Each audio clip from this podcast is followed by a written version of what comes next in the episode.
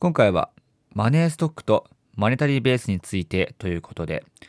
またまた FP 関連用語の中からピックアップをしました。言葉自体似ているからこそ、どんな違いがあるのか、そしてどういった場面で使われているのかについてお話をしていきます。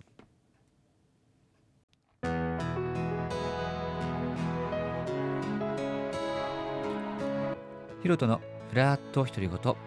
第96回目の配信です。え今日は2月の18日木曜日ということで、えー、2月もなんやかんや折り返し地点を迎えたわけなんですけども、えー、今年も、えー、またまた荒れが来ましたね。そうです。荒れというのは、まあ、花粉症です。まあ僕も花粉症持ちなので、えすごくこの時期辛いんですけども、まあ、まだそんなに感じないんですね、正直。まあでもなんか周りを見渡すと、まあそれこそえ鼻をすすっている方が多くなってきたりあとはもうくしゃみがひどい方なんかも、えー、この時期で増えていくと思いますので、まあ、ちょうど、まあ、冬が明けて、まあ暖かくなってくると同時にこのねあの辛い時期が、えー、続くと思いますので、まあ、引き続きですねこのコロナとそして花粉症と対策をしていかないとなということを最近また感じております。はい、えー、今日はそんな感じで、えー、木曜日ということなので、今日はですね、えー、お金に関するお話をしていこうと思います。まあ、最近はずっと FP 用語の中から、まあ、ピックアップして、えー、その用語についてお話をしているんですけども、えー、今日はですね、えー、マネーストックとマネタリーベースについてということで、もう横文字がいっぱいになってますね。えそんなお話をしていこうと思います。えー、まずこの言葉よくですね、えー、新聞とか、まあ、テレビとか、えー、経済関連に紐づくような、え出来事ですと結構ですね、まあ、出てくる頻度多いんですけども、まあ、マネーっていうついているぐらいなので、まあ、お金に関する何かなのかなっていうことは、なんとなく想像できるとは思います。まあ、ですけど、えー、僕自身もですね、この2つの違いっていうのは、えー、正直、ここ最近まであんまり、えー、分かってなくてですね、もう、例えば年配の方とか、それこそもう社会人研究豊富な方でしたら、えこの言葉はもう分かるよって方たくさんいると思うんですけども、例えばですね、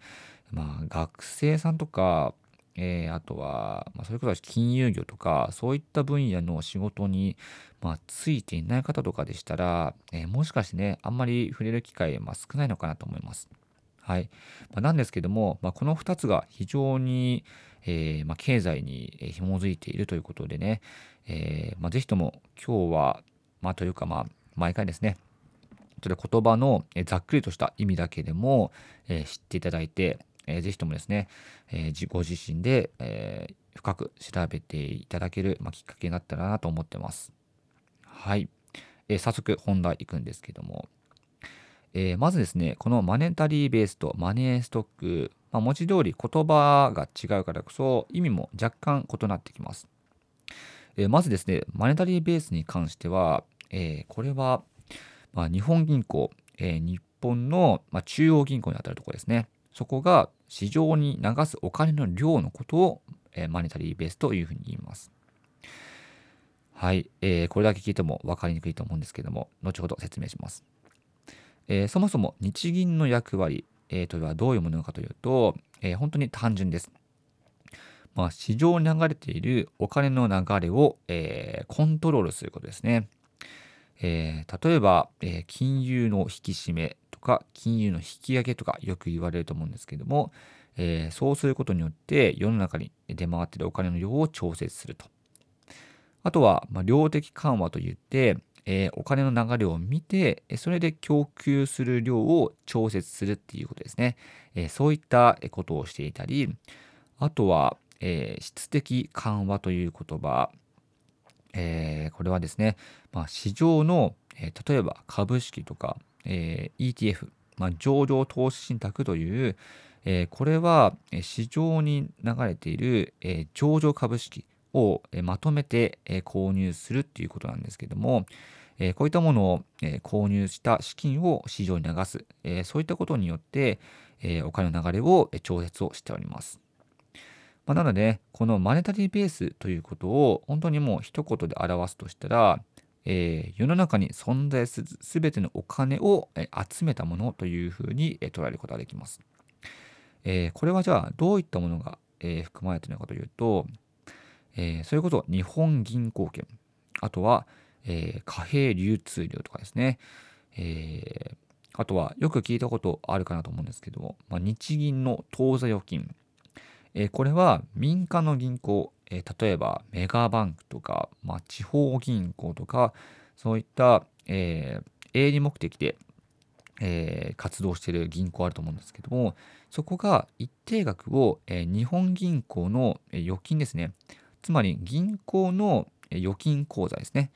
に預けてるんですけども、え、それが日銀の当座預金というふうに言います。なので、えー、こういった、えー、市中に出回っているあらゆるお金を総じたものを、えー、マネタリーベースというふうに言っております。はい。えー、続いて、マネーストックなんですけども、これは、えー、民間の銀行が、えー、市中に、えー、お金を流すこと、そして、えー、その量のことを言っています。えー、これは要するにですね、まあ、銀行から例えば企業への融資であったりとか、えー、そういうことですね。なので、えー、これ集計の範囲としては、まあ、通貨を保有する主体、えー、それこそ一般法人とか、もちろん我々、えー、個人とか、あとは地方公共団体とか、そういった民間銀行が流したお金を、えー、こういった、えー、媒体が持っていますので、えー、そこの総量ですね。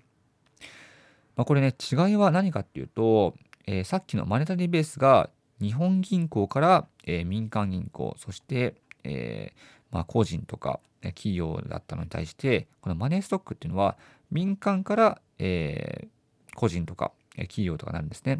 なので、まあ、そこに民間銀行が含まれるか含まれないかの違いになってます。なので、まあ、大きなくくりで言うと、マネタリーベースの方が、え大きなくくりで、そしてマネーストックはより、あの身近なものかなっていうふうに捉えてもらえば、えすごくいいかなと思います。はい。じゃあ実際ね、えー、これらの言葉よく、まあ、新聞とかテレビに出てるっていうふうに言ったんですけども、じゃあ実際どういった影響が、え経済と結びついているのかというとですね、えー、これはあのインフレとよく関係があります。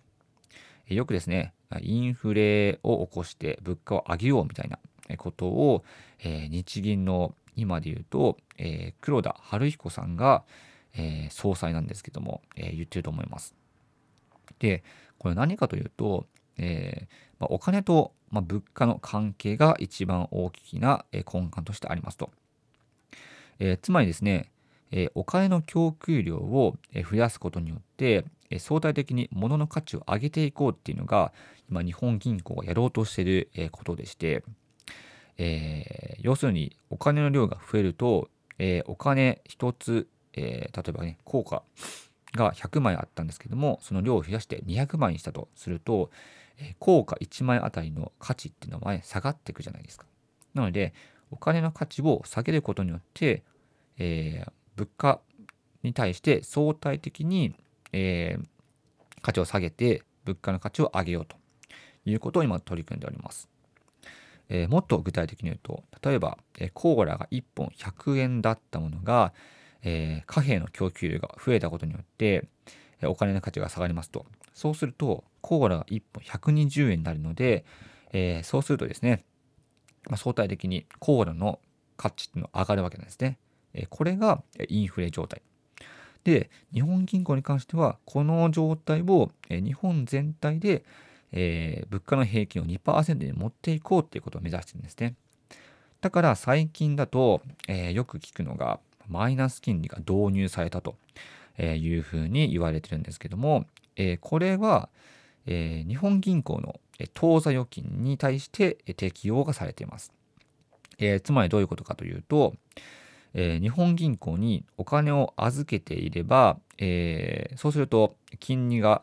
どんどんどんどん減ってしまう、金利がマイナスなので、え、お金の量がどんどんどん減ってしまうんですね。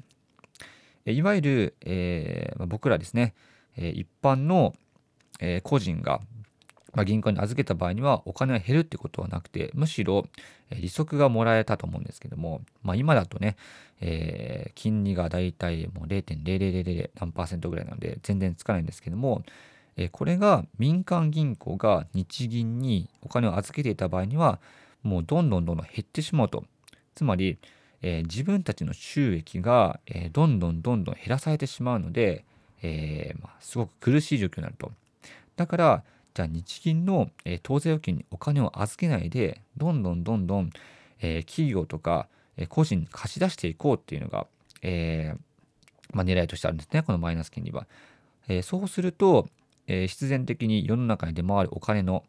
量が増えるので、えさっきも言ったように相対的に物価の価値が上がりますと。えこれを狙ってるんですね。はい。なのでね、こういったことからも、えー、マネーストックの量とマネタリーベースの量っていうのは、えー、物価と非常に関連があるんですよということは、えー、一つ言えると思います。はい。まあ、基本的にはね、ここを押さえていただければ、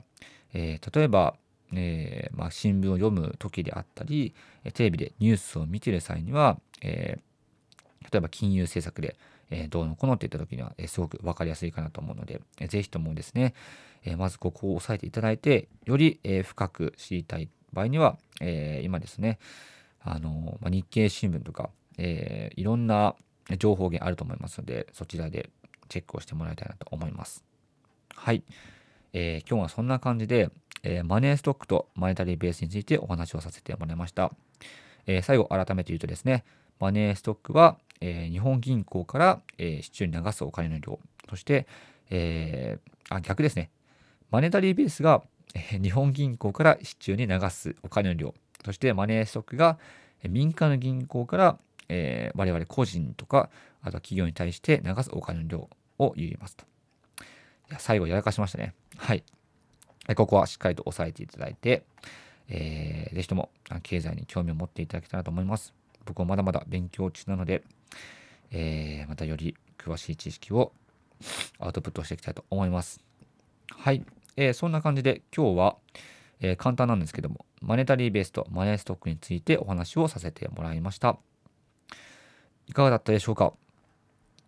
まあ、こういったね、まあ、経済に関する知識っていうのは、えー、非常にあの今後また、えー、さらに重要になってくると思いますので、はい。えー、ぜひともね、えーま、導入の部分に関しては、え、この FP 関連用語、どんどん紹介をしていきたいと思います。はい。えー、今日はそんな感じで終わりますので、また次回は土曜日、今度は、えー、川小物関係についてのお話に、え、移りたいと思います。まあ、すごくね、ジャンルが変わるので頭の切り替えもちょっと大変なんですけども、はい、またお届けしていきたいと思います。えー、今日はこんな感じで終わりますので、また次回も楽しみにしていてください。それでは、バイバイ。